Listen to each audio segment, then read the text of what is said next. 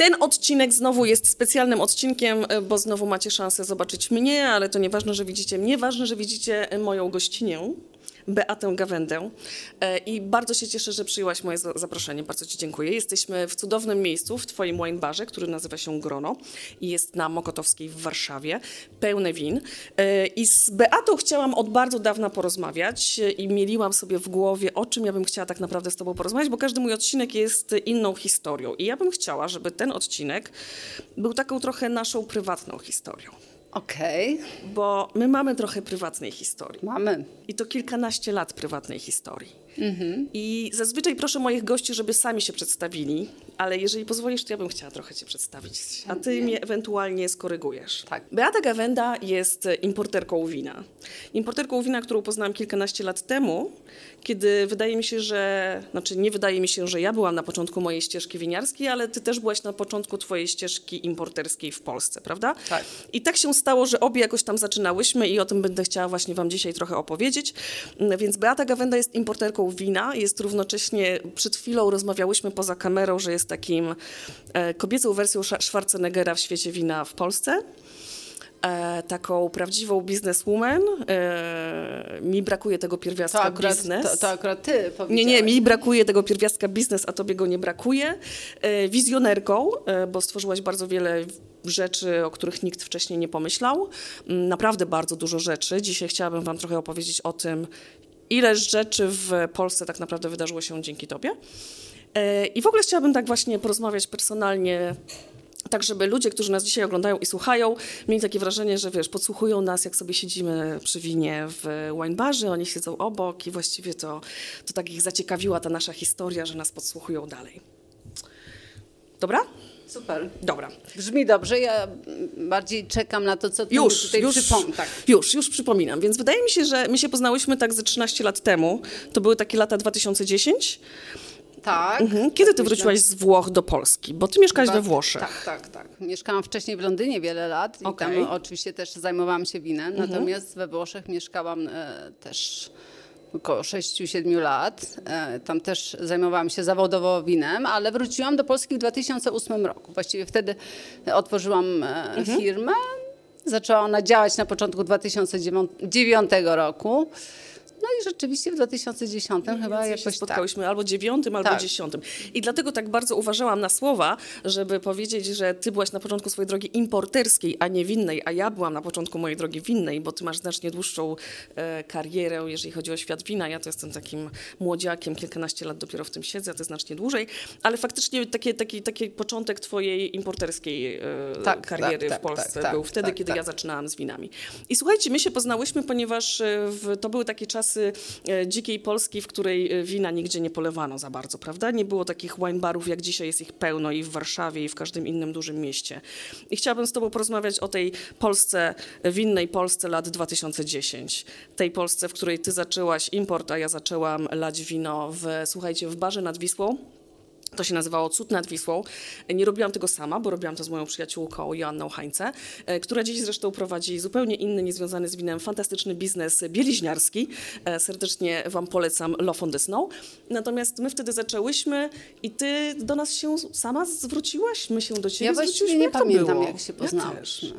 Nie pamiętam dokładnie, jakim kluczem dotarłyśmy tam Mhm. do siebie. Wydaje mi się, że w Wine Cornerze na Białym Kamieniu, który teraz jest moim sklepem, robiłam jakąś degustację i chyba Piotr, czyli partner Asi, Aha. przyszedł tam na spotkanie, pracował e, trochę z Wine Cornerem. I chyba taki był jakiś klucz, Mhm. Okej. prawda? Że jakoś... Możliwe. Ale nie mam pewności. No właśnie, i co? I, I jak to wyglądało wtedy? Do kogo, komu Ty sprzedawałaś wtedy wina? Czy, bo, Znaczy, ja rzeczywiście wróciłam do Polski trochę bez świadomości, co się winiarsko dzieje w Polsce.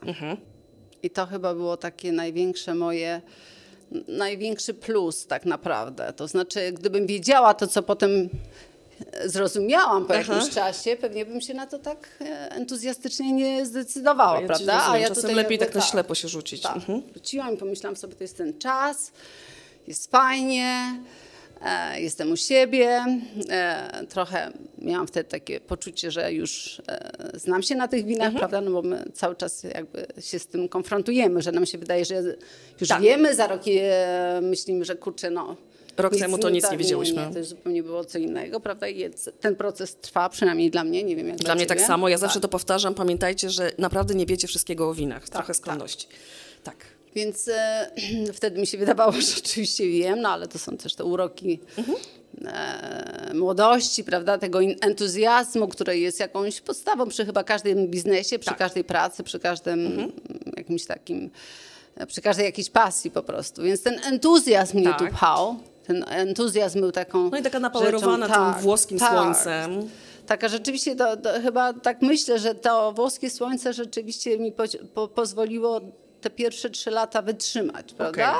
I jakoś tak zupełnie się nie bać tych wszystkich rzeczy, które obiektywnie nie były fajne. Nie? To znaczy było bardzo mało restauracji.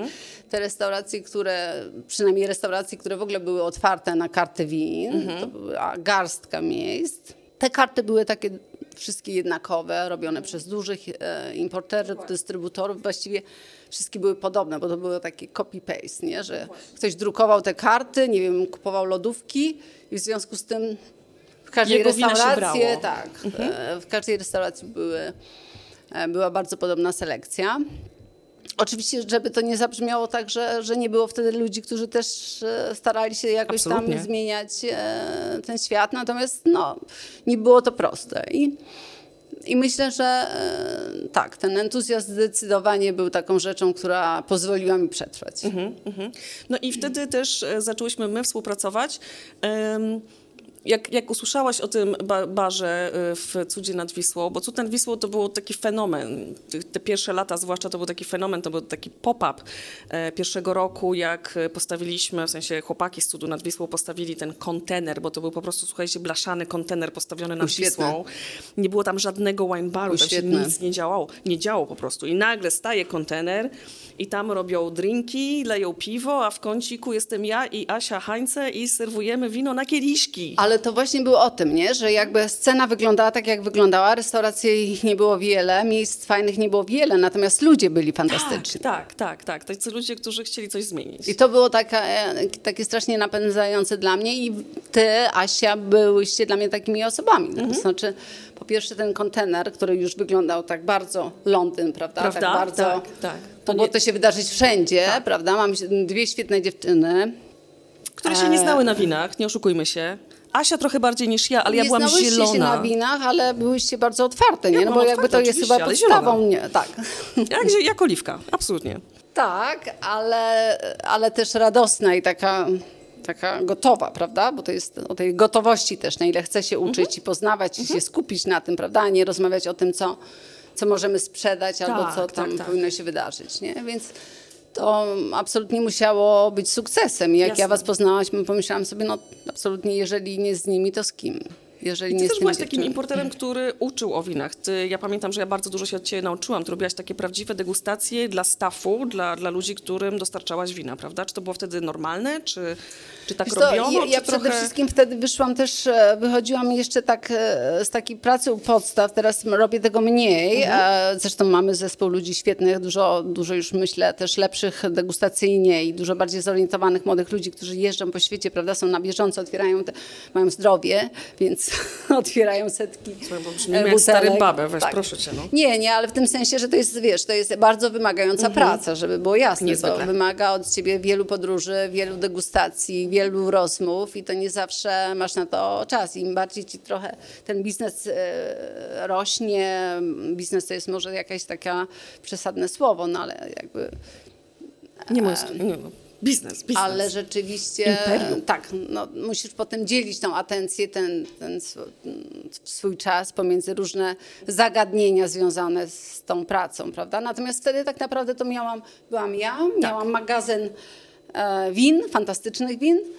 E, no i musiałam o nich opowiadać. I właściwie to opowiadanie o winach e, było taką naturalną sprzedażą, bo tak trochę jest, ale czasami o tym zapominamy, prawda? Ale tak naprawdę zawsze w winie chodzi o tą opowieść, myślę, prawda? Jak ja chciałam, żebyś to powiedziała, bo wino to historia. Tak, I to tak. zawsze są opowieści i Tak. to one kryją się za winem.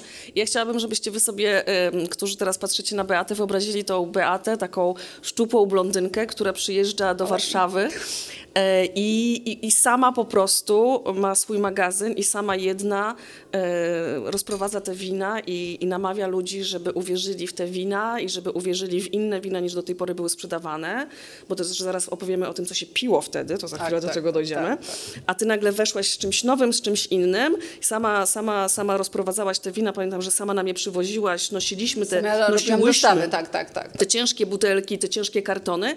Ile wtedy było importerek wina? Importerek, kobiet. Ja nie lubię rozmawiać o kobietach w winie, ale wyjątkowo z tobą muszę. Był Myślę, ktoś inny? wtedy nie było nikogo. Dokładnie. Ale nie chcę też nikogo jakby Obrazić, tutaj obrazić, oczywiście, bo być więc może przepraszamy. były jakieś też działalności gdzieś, które wtedy nie, do mnie nie docierały Mhm. w jakichś innych miejscach, prawda? Bo, bo naprawdę dużo pracy jest też wyko- wykonywanych gdzieś tam, wiecie, Lokalnie. Tak, lokalnie, Tak, tak, oddolnie i niekoniecznie są to osoby, z którymi się gdzieś konfrontujemy, czy widzimy ich, Tak, prawda? tak. E, I, I nie chcę, żeby to tak zabrzmiało, ale ja miałam, nie myślałam zresztą o tym, że jestem, nie, nie, nie rozważałam tego w takim kontekście, że ja jestem Mhm. kobietą, a ktoś też nie. Natomiast wydaje mi się, że nie, rzeczywiście nie Tak. było. Zresztą niewiele kobiet było w ogóle w zaangażowanych. świecie, świat, w świecie Tak. wina. Właśnie to, to chciałabym, żeby wybrzmiało, bo ja ogólnie nawet zrobiłam jeden odcinek podcastu o tym, jak bardzo nie lubię, jak ktoś mnie pyta, czy mogę zrobić degustację o kobietach w świecie wina, Nie, nie. o enolożkach w świecie wina. Zawsze odmawiam, nie interesuje mnie ten temat, natomiast tutaj jakby mm, chodzi mi o to, że faktycznie świat importerski to jest taki, wiesz, twardy świat, nie? Excel, sprzedaż, noszenie butelek, noszenie kartonów, pilnowanie, żeby ci później zapłacili te faktury, Tak, tak, wynajmowanie tych rosyjskich gburów, żeby tam, wiesz, poszli, no przesadzam, to się wytnie. Dobra, nie wytnie się, bo nic nie wycinamy, ale wiesz o co mi chodzi, nie? Że to jest taka, taka robota dla facetów po prostu. Naprawdę. No nie wiem w sumie. Okej. Nie wiem, czy dla facetów, nie? Bo jakby... Ja się trochę się Ja droczę, wiesz, ja tutaj wiesz, trochę tak, cię... tak, mam nadzieję, że to Mhm. jakby, jakby... Słuchaj, dla mnie pytanie o to, mm, dlaczego kobiety, czy to jest bardziej męski, czy, de- czy kobiecy świat, jest zupełnie jakieś takie niezrozumiałe. Ja cały czas mam takie, tak, takie niezrozumienie, e, gdzie, gdzie, gdzie Dlaczego jest ten niby? problem, pra- prawda? Co jest takiego w kobietach, co mogłybyśmy potencjalnie nie móc zrobić, a co robią mężczyźni, prawda? Bo tak jak mówimy, ja robiłam również dostawy. Tak.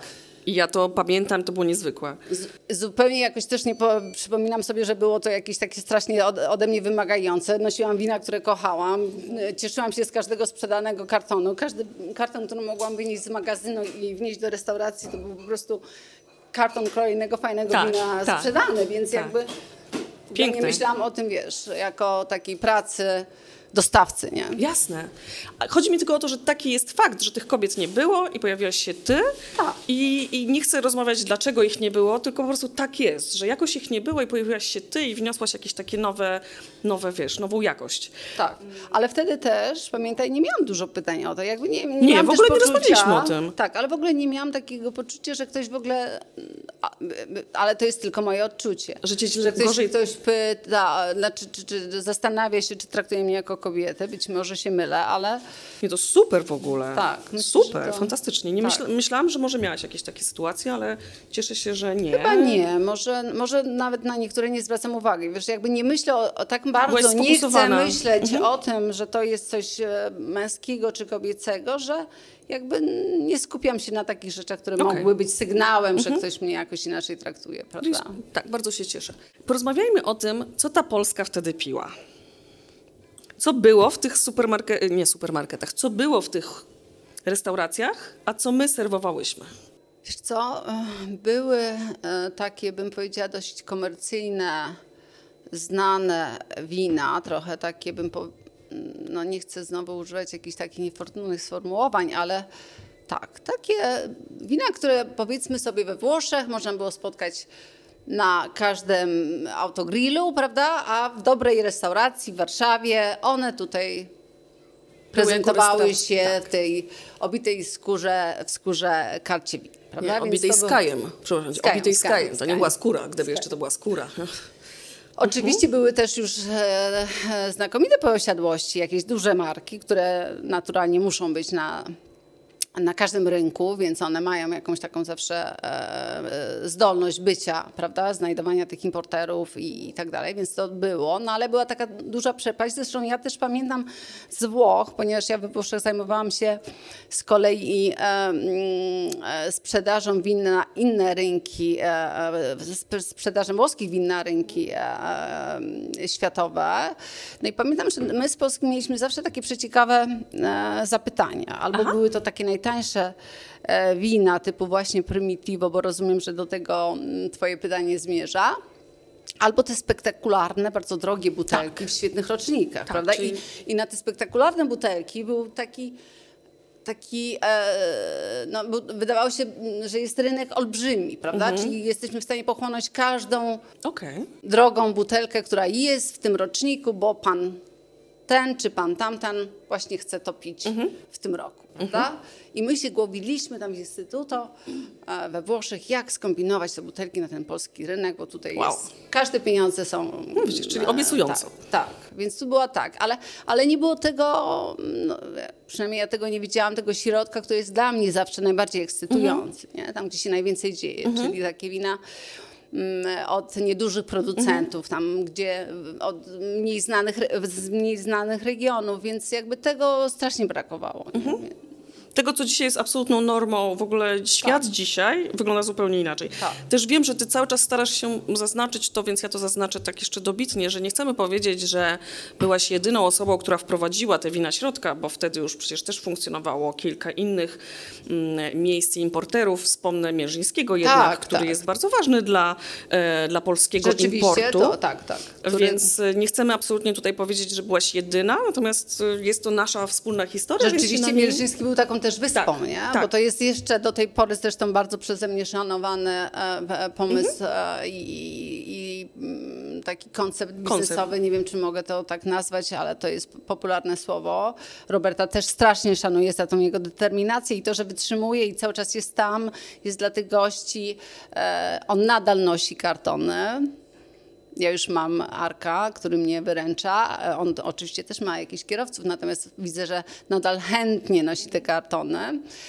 E, no i rzeczywiście on był taką wyspą i to było takie miejsce dosyć e, dla mnie ważne, bo za każdym razem jak przyjeżdżali do mnie producenci i tak przyjeżdżali, taka była smuta, prawda, i tak nie wiadomo było, co im pokazać, że Gdzie jednak zabrać? jest jakieś światełko w tunelu, no to wtedy pakowaliśmy się do taksówki, jechaliśmy do Roberta, który był zawsze czarujący, zawsze coś powiedział, prawda, zawsze e, się nami zaopiekował i wtedy tak, tak. producenci oddychali z ulgą na zasadzie, okej, okay, Czyli tutaj można sprzedać wino. Tak, to, to, tak Jak komuś idzie, to... ludzie piją e, wina, prawda? Ktoś otwiera, wynoszą kartony.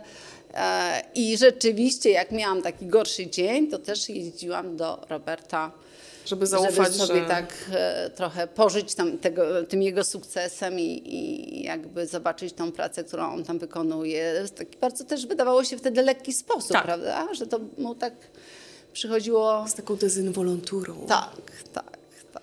Do tej pory zresztą naprawdę uważam, miałam taką refleksję e, na ostatniej gali e, fermentu, że że tak się dużo rzeczy zmienia, a on jest tak, tak. bardzo tam na tej taką swojej skałą. pozycji. Tak, taką skałą. Tak. I nadal ma czas na te wszystkie rzeczy, prawda? Nie odpłynął ani tu, mhm. ani tu. Nie mhm. mówi, nie dzieli tego rynku jakoś, nie, nie obraża się na jakieś tak, e, e, nowe koncepty czy mhm. nowe pomysły.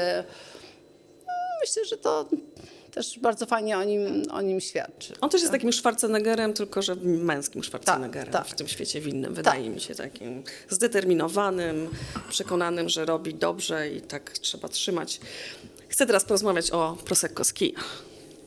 No bo słuchaj, musimy, musimy powiedzieć jednak Polsce, że to my, nieskromnie, rozpropagowałyśmy Prosecco z Kija. Czy ty pamiętasz te litry Prosecco z kija. Nie no, my. No, nie byłoby ich, gdybyś go nie sprowadzała, pokazałaś nam, że coś takiego jest. Tak. Powiedziałaś nam, co to jest. Do Ale dziś... ty powiedziałaś, ja to biorę. Nie no, no tak, a potem jak już to wzięłyśmy, no to ilość... Y, to, to, była niesamowita ilość tego, ile to się sprzedawało. My to sprzedawałyśmy na karawki, nie na kieliszki, bo ludzie nie chcieli już na kieliszki, bo po prostu piło się jak wodę niemalże. Em, Do dzisiaj mam też e, poczucie winy i kajam się za to, że nazwałyśmy to Prosecco z kija, czyli zrobiłyśmy ten błąd, bo to przecież nie jest Prosecco. Słuchajcie, Jasne. pamiętajcie, że nie ma Jasne. czegoś takiego jak Prosecco z kija, nie ma szampana z kija, nie ma kawy z kija, bo to musi być w butelce. Mm, To nie jest Prosecco, to jest wino musujące z kija, ale tak to nazwałyśmy zastało i myślę, że jesteśmy matkami chrzestnymi Prosecco z Ja kija się w Polsce. odcinam. Przestań, ale to są fakty. To są fakty, to są To zabawne znaczy, fakty. rzeczywiście wtedy, pamiętaj, że to było taki, e, to Prosecco z kija, było też popularnym konceptem e, wszędzie, nie? Tak. nie tylko w Polsce. Tak, to to tak. wtedy tą technologię jakby wprowadzono, jeśli chodzi o wina musujące włoskie, przynajmniej tak ja to pamiętam. Mhm. E, I to się sprzedawało nie tylko w Polsce, to rzeczywiście był Nie, taki towar eksportowy wszędzie. Tak. I pamiętam też, że Londyn na to bardzo entuzjastycznie reagował. I A ty działo, wyczułaś nie? te trendy, po prostu ty Tak, je wyczułaś i ty wprowadziłaś to do Polski, my to podchwyciłyśmy, ale w Polsce pierwszy był Tak, tak, nad Wisłą to prawda, tak. A na pewno w tych A ilościach. myślę, że nadal to, wiesz, mm, to jest gdzieś sprzedawane, prawda? Jest. Miałam nawet dzisiaj rozmowę z kimś innym na ten temat Mhm. i absolutnie wciąż y, to działa w wielu miejscach, jest sprzedawane.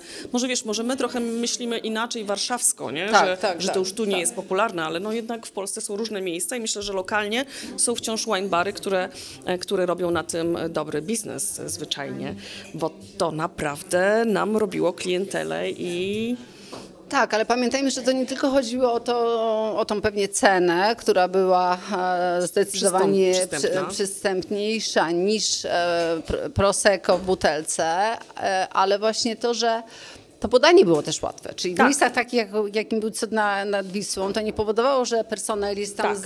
zajęty otwieraniem Tak. e, tych setek prawda, Tak. butelek, tylko po prostu ten ruch. tak, tak. I Nalewanie. To, tak, i to jakby miało też pewnie Tak, bo w ogóle ten cud nad Wisłą wydaje mi się i to, co, żeśmy tam wtedy zrobiły we trzy, ja, Asia i ty, czy tam ty, ja i Asia, czy ty, Asia i ja, tak powinnam powiedzieć, e, to jest to, że przybliżyłyśmy trochę to wino, zdjęłyśmy z niego ten taki, taką sztywność, e, ono było po prostu serwowane nad Wisłą, siedziałaś sobie na paletach i piłaś sobie wino i to, co jeszcze chciałam powiedzieć, że to, co było niezwykłe wtedy i już przejdę do kolejnego pytania, to, że e, obok siebie na paletach siedzieli ludzie, którzy pili tanie Prosecco, a obok nich ludzie, którzy pili Barolo. To na prawda. paletach.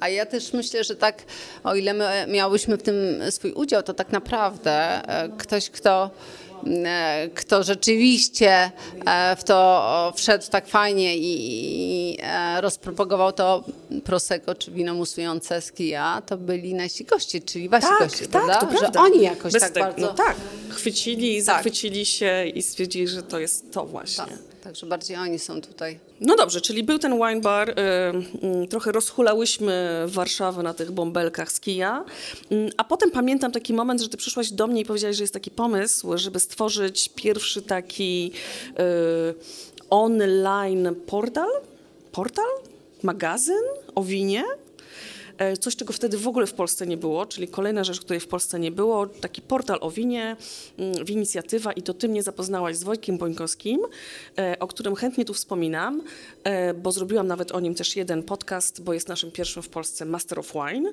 I muszę ci powiedzieć, że że to też było dla mnie bardzo ważne na mojej ścieżce zawodowej, bo na mojej ścieżce zawodowej najpierw trochę ty mnie poduczyłaś o winie, a potem żeś mnie tak wrzuciła jeszcze w ramiona Wojtka Bońkowskiego i powiedziała, o, tu się odnajdziesz, będziesz pisała On z zresztą nim. bardzo chętnie ciebie też w swoje ramiona Tak, przyjął. przyjął. E, tylko bez podtekstów żadnych e, i faktycznie nauczył mnie bardzo dużo o winie, a ten portal w ogóle w inicjatywa myślę, że no po prostu nauczył kawał Polski o winie.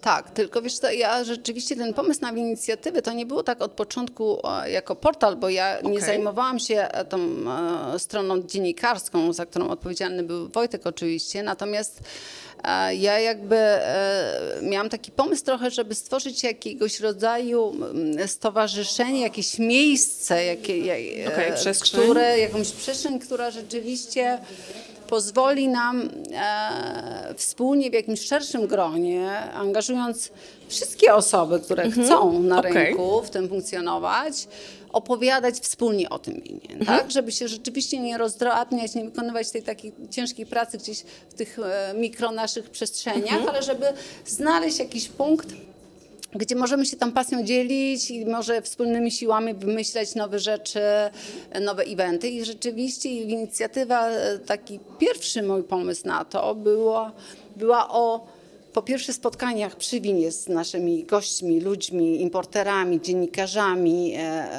e, wtedy może jeszcze nie blogerami, ale przynajmniej ludzi, którzy się interesują winem i konsumentami przede wszystkim.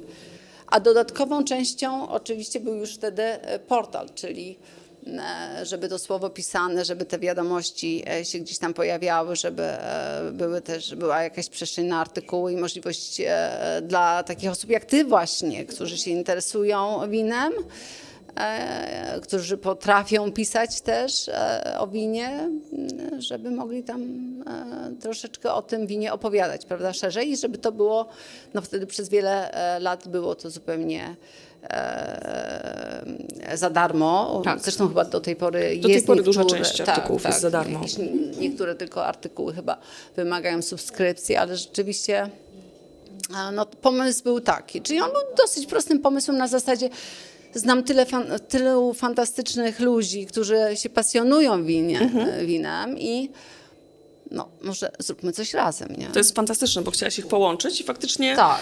to połączyło, bo też w- na inicjatywie były te takie, wiesz, komentarze. Ty, ty, pamiętasz, ile tych komentarzy było pod, pod artykułami? Wiesz, czasem Tak. ludzie dyskutowali ki, przez kilka dni na jakiś temat. Mm, To też, że ta inicjatywa odsyłała do blogów poszczególnych, czyli faktycznie ten element łączenia tam był i uważam, że to jest również coś, co zrewolucjonizowało. I rzeczywiście e, ta otwartość wszystkich i tak. też często restauratorów i ludzi, którzy e, tworzyli różne miejsca, e, e, którzy dawali nam te przestrzenie za darmo, prawda? Tak, tak. Żebyśmy mogli robić te eventy. E, chęć importerów, małych najczęściej też, którzy bardzo chętnie przychodzili, otwierali setki Tak. butelek, często for free, po to, żebyśmy mogli tam porozmawiać w jakimś gronie, prawda? E, czytelników, czy, czy ludzi, którzy e, jakby śledzą e, to, co się dzieje w świecie wina w Polsce i to się nam udawało. I Tak. znaczy, to chyba jest nie do powtórzenia, jakby taka zupełna otwartość wszystkich, bezwzględnie do kogo się nie przyszło i po, nie powiedziało, że mamy taki pomysł, że być może tu u ciebie Tomek wale wino, chcielibyśmy tutaj zrobić jakiś, Tak. prawda, jakiś event. I on mówi, dobra, kiedy robimy to, prawda? Więc tak, to było takie super fajne. Tak się nostalgicznie aż mi zrobiło, wiesz, bo tak też powiedziałeś, że to jest nie do powtórzenia i jest coś takiego, że to były takie czasy, że wszyscy byli otwarci, hej do przodu, robimy to razem. E, wspomniałaś też Tomka, który na, ma tutaj mm, restaurację Ale Wino. Ja Tomka też poznałam dzięki temu, dzięki tym eventom. E, pierwszy event polskich win u Tomka na, e, w ogródku. Pamiętam do dziś, kiedy pierwszy raz wypiłam w ogóle wino od Płochockich, e, poznałam tych polskich winiarzy. To były strasznie fajne czasy. Tak. E, Myślisz, że dzisiaj jest mniej fajnie? Nie, myślę, że jest też bardzo fajnie. e, Ale myślę, że jest trochę inaczej po prostu. I to jest trochę tak, jak, trochę. jak Znaczy, chcieliśmy bardzo. wtedy, żeby było. No tak. My musimy też o tym pamiętać, Tak, prawda? absolutnie, Nie, że czasami absolutnie. tak, ja rozumiem tą nostalgię, też się na tym łapię, ale właściwie myślę sobie, to jest dokładnie tak, jak e, chcieliśmy, żeby było. To znaczy, oczywiście mamy mnóstwo mikro i dużych i średnich importerów z fantastyczną selekcją win. Mamy bardzo dużo wine barów, przeróżnych, przeróżni ludzie je otwierają, ale naprawdę zawsze są to e, osoby z jakąś tam pasją i chęcią robienia dokładnie tego, co my chcieliśmy robić wiele lat temu. Ja się oczywiście łapię czasami na to na zasadzie ojej, znowu konkurencja, prawda? Łapię się na tym, nie będę tutaj ukrywać, ale potem myślę sobie, ej, ale przecież chyba o to chodziło. No. Jesteśmy tu, gdzie chcieliśmy być, a, a to jeszcze nie jest wszystko. Tak, czasem też tak sobie myślę, że jak już człowiek spełni to marzenie albo, wiesz, chce do, dojść do celu, to dochodzisz do tego celu i wtedy tak się oglądasz i tak, ta droga była fajna. I co teraz, nie? Tam u tego celu jest Tak. takie, takie zawahanie, trochę smutek, nostalgia. Wiesz co, ja tego nie mam, bo ja jestem rzeczywiście cały czas w jakimś tam takim procesie e, i ja cały czas próbuję wychodzić do przodu w tej swojej e, takiej przestrzeni, w której e, funkcjonuję, znajdować jakieś nowe rzeczy, które mnie napędzają, nowe rzeczy, które uważam są potrzebne i grono jest trochę takim przykładem, Tak. tak, że o ile ja nie jestem osobą, która jest, chciałaby stworzyć miejsce e, z ultrawinami naturalnymi, prawda, super funky i, i jakby iść w tym kierunku, bo to nie jest jakby moja specjalizacja. Uwielbiam takie miejsca, cieszę się, że one są. Czasami do nich chodzę, nie za często, ale bywam.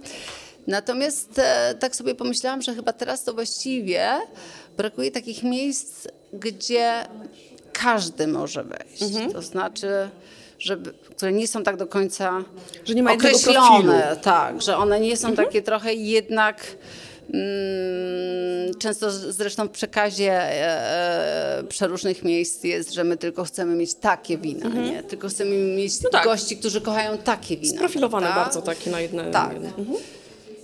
I że to jest fajne i to też oczywiście ma sens, natomiast, natomiast co z takimi miejscami dla każdego, prawda? Bo cały świat trochę się też na tym opiera. Te klasyczne miejsca z winem to są zawsze miejsca dla każdego. Ja pamiętam, jak jako młoda osoba pojechałam pierwszy raz do, do Włoch, do Werony i młodzi... Jak młoda? Ile miałaś lat, jak pierwszy raz pojechać do Werony? 21 Okej. i moi rówieśnicy Włosi zabrali mnie do wtedy i już i, i do tej pory zresztą kultowego miejsca Bottega del Vino. Mm. I wiesz, to jest takie miejsce właśnie bez podziałów, To jest nie? niesamowite miejsce. Tak, że 21... No, młodzi ludzie zabierają cię do miejsca właśnie takiego, które ma jakiś pewien ciężar, prawda? Wydawałoby się, że tam Historii. stoją ci poważni panowie z dużymi portfelami, otwierają te poważne butelki, a jednak nie, tu wszyscy chcą być, prawda? I, i chyba Warszawa, myślę, teraz jest w takim punkcie, że już nie tylko chodzi o to, żeby mieć miejsca o winie bardzo sprofilowane, bardzo jakieś takie e, określone, ale żeby miała już takie miejsca trochę dla wszystkich. I grono właśnie, myślę, jest takim miejscem, bo ja widzę tu często młodych studentów, którzy sobie odkładają pieniążki, żeby przyjść i otworzyć coś spektakularnego, ale też kocham to, że przychodzą tutaj starsze panie, Tak. 65 plus, prawda, na kieliszek szampana. I teraz myślę sobie, okej, super, to, mnie jest kręci, cudowne, nie? to ja już cudowne, nie chcę tak. mieć tylko tych ludzi, którzy czytają etykiety, prawda, rozmawiają o tych winach, wiedzą czasami więcej niż my, bo byli, objechali, ale chcę, żeby tak ktoś przyszedł z tymi zakupami z Mokotowskiej, zostawił tą torbę Mhm. mm, e, i wypił kieliszek szampana. Mhm. I to jest fajne. I to jest jakby ten, ten, no ta część, która myślę jeszcze jest do zagospodarowania w Warszawie i pewnie I pewnie w innych y, miastach. I, Tak, i tak. Fajnie, że wspomniałaś o tej Weronie, bo myślę, że powiedzmy to jeszcze raz, jak będziecie w Weronie, to jest to jedno miejsce, które każdy winopijca, początkujący lub bardzo zaawansowany, odwiedzić musi. I to się nazywa, powiedzmy to jeszcze raz, Bottega del Vino. Bottega del Vino, tak. I to jest miejsce, które wywołuje we mnie po prostu ciarki takie, wiesz, niemalże erotyczne. Ja jak, jak myślę o tym miejscu, to sobie To myślę, jest w ogóle ciekawe, że są takie e, miejsca. Wiesz, ja teraz już czasami tam e, e, wchodzę i myślę sobie, w sumie ta karta win, no tam po sąsiedzku, ulicy dalej jest dużo ciekawsza, prawda? To nawet nie chodzi o to, ale to, że jest to taki punkt na mapie Werony, a Werona jest istotna, że tam między innymi są te słynne targi win Italii, więc cały ten świat przy, przylatuje na kilka dni do Werony i tam wszystkich można spotkać i, te, i tych znanych e, e, producentów i znanych e, dziennikarzy i znanych importerów, prawda, i mniej znanych i wszyscy są tam, prawda? Też powiem słuchaczom, to jest takie Hollywood winiarstwa. Tak, tak, trochę tak. Tak, wszyscy się tam przynajmniej Tak. muszą pokazać. Tak. To prawda, tak. Natomiast e, właśnie to, co jest takie ciekawe, to jest właśnie to, że to nawet już nie chodzi o tą ofertę win. To chodzi o cały taki ciężar historyczny i kulturowy tego Tak. miejsca, ale też oferta win, no powiedzmy to naszym słuchaczom, karta win jest taka. I, nie, no jasne. Można nią jasne, zabić. Tak. Można. Można. Można. Myślę, że może, mogło się to nawet zdarzyć. E, e, A przynajmniej uszkodzić porządnie. Tak. Natomiast jest, e, no ale ja też myślę o takiej, wiesz, dostępności rzeczy na kieliszki Nie, i oczywiście, tych tak. rozsądnych cenach, prawda, że tutaj ta, ta, być może ta przestrzeń Zgadzamy się, że tam są wszystkie spektakularne butelki świata, tam wszystko jest, natomiast być może w takiej przestrzeni, wiesz, nowości, to... Tak, to oni nie są na bieżąco, tak, tak. Znaleźć dużo jeszcze innych miejsc, które e, to robią Mhm. może trochę lepiej i może trochę taniej, no, no, no nie wiem, ale... Ale no tak, ale to jest oczywiście to miejsce. I Warszawa i czy Polska nadal e, takich miejsc za wiele nie ma. Dopiero jesteśmy na takim etapie tworzenia się. Co jest tylko fajne, bo jest miejsc. nas oczekać. Tak, więc To ja myślę, że wiesz, pozytywne. jakby wracając do tej nostalgii, że nostalgia jest super, ale ja myślę, że jeszcze jest tak dużo rzeczy do zrobienia. Mhm. Ja kocham to w Polsce, że my jesteśmy cały czas w takim punkcie, rozwoju, że tak, wiesz, na- tak, na że jeszcze rozbiegu. wszystko możemy Tak, zrobić tak. i możemy to zrobić, miejmy nadzieję, nawet lepiej niż to już zrobiono gdzieś tam, Mhm, prawda? I to jest takie nakręcające. Możesz mi powiedzieć, e, jako osoba, która e, no, po prostu sprzedaje wino w wielu miejscach, co dzisiaj pije Polska? Ech, wiesz co, ale pytasz o statystyki, czy o co pytasz? E, No wiesz co, no bo wydaje mi się, że e, kiedyś Polska piła ciężkie czerwone wina typu Primitivo z ciepłych regionów. Chodziło o to, że głównie w naszym wine barze, ja pamiętam, że pytania były jakieś półsłodkie, nie ma półsłodkich, to niech będzie półwytrawne. Pamiętasz, to były głównie pytania. Musiałam tłumaczyć, że no nie dostaniecie półwytrawnego, ale dostaniecie wino z ciepłego regionu, więc tam będzie ta słodycz dojrzałego owocu, taka dżemowatość i tak dalej.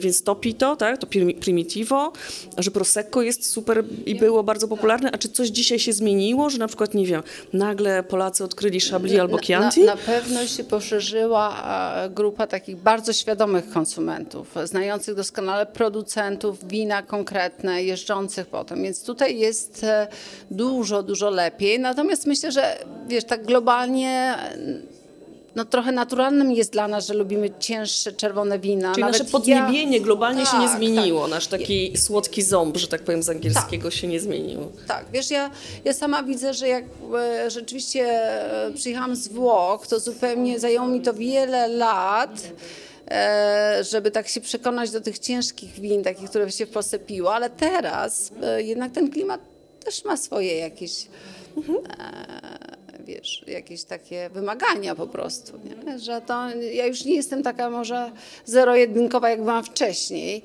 że jednak, wiesz, inna dieta, inny klimat, no nie, nie, nie zawsze chcemy takich super lekkich, czerwonych, aha. eleganckich win, nie? ale oczywiście, że tutaj e, jest duża zmiana, jeśli chodzi o, o, o wina a właśnie takie dużo bardziej eleganckie, Mhm. dużo mniej muskularne, dużo mniej owocowe, tak? Tutaj e, widzimy, że w restauracjach przede wszystkim mm, to się zmienia, tak? No powiem Ci taką ciekawostkę, mieszkam teraz w Portugalii i z kolei Portugalia, wiesz, trzy tygodnie w środku lata to masz tak 47 stopni w moim regionie i mimo wszystko Portugalczycy w moim regionie w Teżu, w największe upały, czerwone wino, taniczne, wiesz, wina z Teżu to jest taka potęga, jak, Tak, tak. jak, jak właśnie tutaj nasze podniebienia polskie lubią. Taniczne, czerwone wino, może trochę schłodzone, to jest jedyne, co robią z tym winem, że schłodzą je faktycznie, ale w ogóle im nie przeszkadza ten klimat, e, czyli to dla nich na przykład w ogóle nie jest związane z klimatem, wiesz, tak jak u nas się mówi, że w upały to te białe wina pijemy, a zimą przechodzimy na czerwone, Portugalczykom wszystko jedno. Okej. Nie no, myślę, że e, wiesz, ja, ja zawsze trochę się boję tak mówić o tym, co się pije, bo mamy jakiś tam pogląd, wycinek tylko o, na, na to. No tak, jesteśmy E, też w jakiejś bańce tak, zawsze. jesteśmy w jakiejś bańce. Ja rzeczywiście mam e, tą ofertę taką bym powiedziała e, też sprofilowaną mocno na już takiego świadomego odbiorcę, czy przynajmniej takiego odbiorcę, który chce się też edukować. No więc ja tu pewnie nie mam takiego doświadczenia, zresztą no, mamy własne restauracje i tam rzeczywiście mamy sommelierów, e, no i wszystko jest o e, dobieraniu tego wina do, do dań, tak? czyli wino do jedzenia. E, I tu się to też zmienia, no bo to e, jakby zupełnie inne e, parametry, prawda? Tak. To nie jest już tylko gość wchodzący do sklepu i, e, i o Primitivo. Mhm. Ale nam się nie zdarza, wiesz? Ja myślę, że nam się w sklepie nie zdarzają goście A masz tutaj, którzy... Nie. Voilà. E, tak, więc... To było e, cudowne. Ale wiesz, no, pytać można, prawda? Oczy- oczywiście. Tak, tak, ale mm, tak. A słuchaj, bo ty dużo podróżujesz, tak mi się wydaje.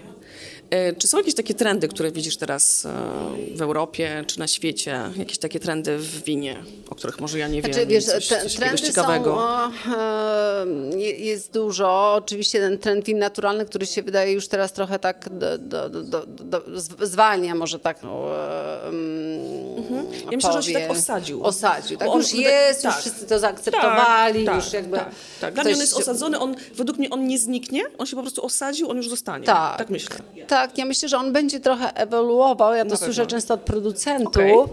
e, Na rzecz jednak takich win troszeczkę bardziej e, robionych z pewną kulturą. Tak, nie, bój, nie bójmy się tego, lepiej zrobionych, tak? Mniej Tak. takich... Tak. Ojejku, jak wyjdzie, tak sami wyjdzie. ci producenci dorastają do tego, że jednak no jednak coś nie jest w tym jest, prawda, tak, że, że ktoś to robił, studiował, obserwował swoje winnice, zna już dobrze e, swoje możliwości, prawda, i wtedy może Mhm. e, chce robić trochę inne rzeczy.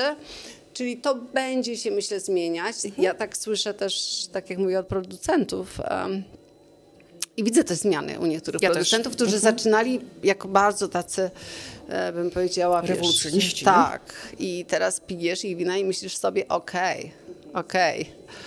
E, Więc, e, więc myślę, że on się będzie trochę zmieniał, natomiast na pewno zrobił dużo wspaniałego Tak. i dużo fajnych rzeczy. Ja, ja zawsze się boję takich trendów, które są trochę e, takie, bym powiedziała, zbyt, e, zbyt doktrynalne, prawda, że że jak to za- zaraz jest do tego wszystkiego dopisana jakaś historia Tak. niesamowita, to ja trochę się zawsze boję, bo, bo e, wyznaję taką zasadę, że jeżeli ktoś coś robił przez 100 lat, prawda, przeszło to przez kilka pokoleń, jest to w jakimś tam stylu, e, nie odbiega w pewnej apelacji to bardziej ani w tą, ani w tą stronę, to pewnie jakiś powód jest. Prze- Wiele pokoleń się z tym zmierzyło, z tą odmianą, z tym klimatem, z tym potencjałem, z tymi możliwościami. No ale mniej więcej jesteśmy tam, prawda? Coś się za tym kryje w tym doświadczeniu, tak? Ja nie będę oszukiwać, że tutaj y, zrobiłyśmy cięcie w tej rozmowie, ponieważ jesteśmy w gronie i przyszły, przyszli goście y, i zresztą byłam świadkiem tego, jak tutaj twoi goście fantastycznie znają twoje wina i opowiadają historię winiarzy, więc myślę, że warto jest to powiedzieć. Y, bardzo, bardzo śmieszna i sympatyczna sytuacja. Przy okazji ja mam inny kieliszek wina na stole, więc no po prostu, żeby jeżeli oglądacie to, to nie dziwcie się. Było cięcie. E, Mam teraz e, fenomenalne białe wino od producenta Calabionda, e, który normalnie produkuje tylko czerwone wina. To jest producent Amarone, tak? Tak. z Valpolicelli, a ja tutaj mam białe wino. Jakbyście byli w gronie, to serdecznie je polecam.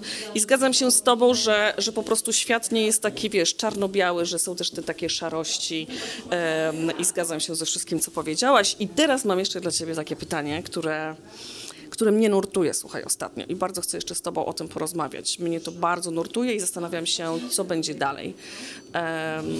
Jest taka moda ostatnio, czy Ty ją zauważyłaś? Na niepicie po prostu.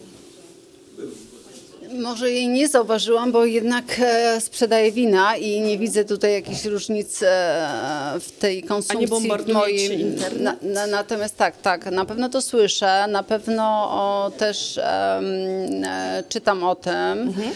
Widzę wśród znajomych bardziej Tak. niż wśród moich klientów czy gości naszych miejsc, że rzeczywiście jest trochę taki może nawet e, moda, nie moda na niepicie, ale jakiś taka moda na zdrowy lifestyle, prawda? Na, na takie świadome, e, zdrowe e, życie, bardziej sportowe, bardziej takie, e, tak, e, bez alkoholu. Natomiast wiesz, to o tyle nie dotyczy mnie i e, tego, czym ja się zajmuję, bo ja nigdy e, nie chciałam, żeby ludzie konsumowali dużo wina. Tak. To w ogóle Ja mam nie- to samo. Tak. W ogóle nie jest jakby wręcz to, że tworzymy takie miejsca, które jednak stawiają mocno na, na to też, jak, jak e, są projektowane, jakie mamy kieliszki, jaki mamy serwis, że jednak w naszych restauracjach, w naszych miejscach są profesjonalni sommelierzy, prawda? Że to danie ważności winu jest takim elementem istotnym, bo zupełnie nie chodzi o to, żeby tych butelek otwierać e, mnóstwo, tylko żeby się trochę na nich skupić, prawda? Chodzi o tą uważność i no, o tą Zatrzymać. przyjemność. Tak. E, Uważność to jest fantastyczne tak. słowo. I takie bycie przy stole razem, nie? Że wino jest dla mnie o tej kulturze bycia przy stole. E, I, I w tym sensie no, nie dotyczy mnie ten problem, że ludzie e, odchodzą zupełnie od alkoholu. Bo Ale widzisz ten trend. Widzę, tak. Widzę i też ro- rozmawiam. Zresztą bardzo wielu producentów wprowadza w tej chwili wina bezalkoholowe. Dokładnie. To się absolutnie dzieje. Tak. Na, dużo, zresztą wróciłam z Piemontu właśnie, byłam tam e, u Nie mów mi, że widziałaś. Barolo bezalkoholowe. Nie, ale też taką ciekawostką e, miałam e, rozmowę z moimi producentami i oni mówią, wiesz, właściwie wszyscy w tej chwili, e, e, a mówimy oczywiście o winie, o winie czerwonym, e, ważnym, o poważnej apelacji z wielką historią, prawda? I, Ale okazuje się, że nawet tam coraz więcej producentów chce i produkuje wina białe, Tak. tak. Czyli też jest taki kierunek, nie? Czyli coś, co wydawałoby się nienaturalne dla producenta czerwonych win. Chociażby A ta kalabionda jest czy, tutaj. czy tak, ta, czy kalabionda właśnie. To akurat jest e, Valpolicella, Tak, ale też region czerwonych win.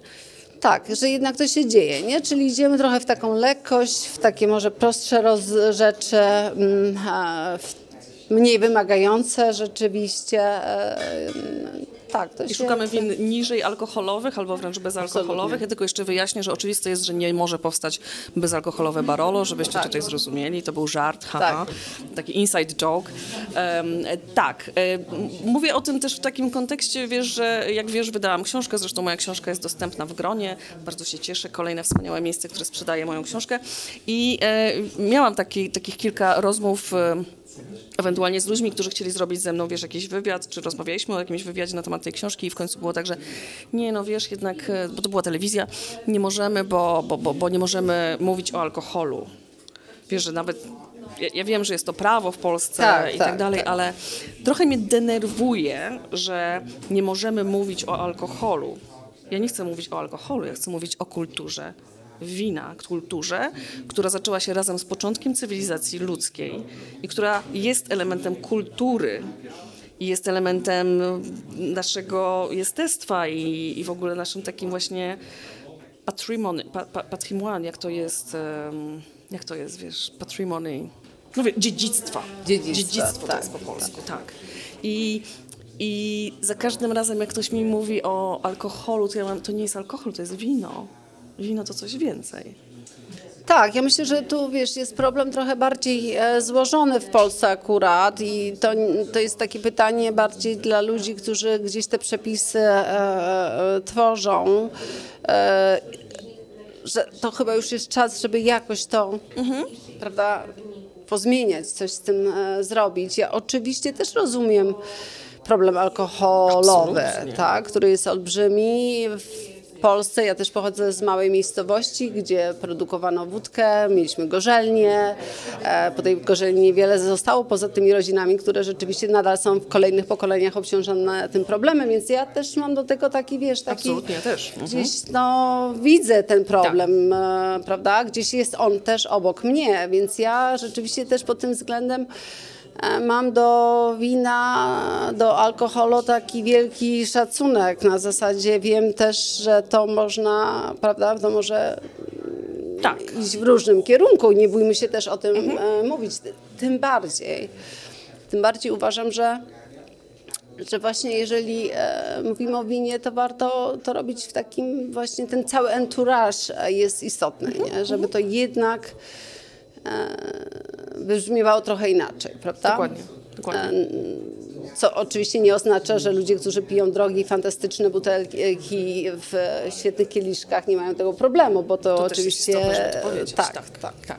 to się dzieje, ale no, no mam nadzieję, że w końcu w Polsce też wymyślimy coś, prawda? E, I coś z tymi przepisami i pozmieniamy, bo to jest rzeczywiście takie już chyba Takie trochę... wylewanie czasem dziecka z kąpielą. Tak, tak. Ale też na koniec ci powiem taką e, anegdotkę, która się zdarzyła, kiedy zawiozłam moje książki do jednego z miejsc i w tym miejscu, słuchaj, pojawiła się taka pani, która akurat coś tam kupowała i tak zwróciła uwagę na tą okładkę, bo nie oszukujmy się, ta okładka jest widoczna z daleka, pomarańczowa, widoczna i, i ta pani em, i ta pani z- zwróciła uwagę na okładkę i mówi, o, dzikie drożdże, co to jest? E, I z, dziewczyna, która tam pracowała, mówi, a, to takie, taka książka o winie.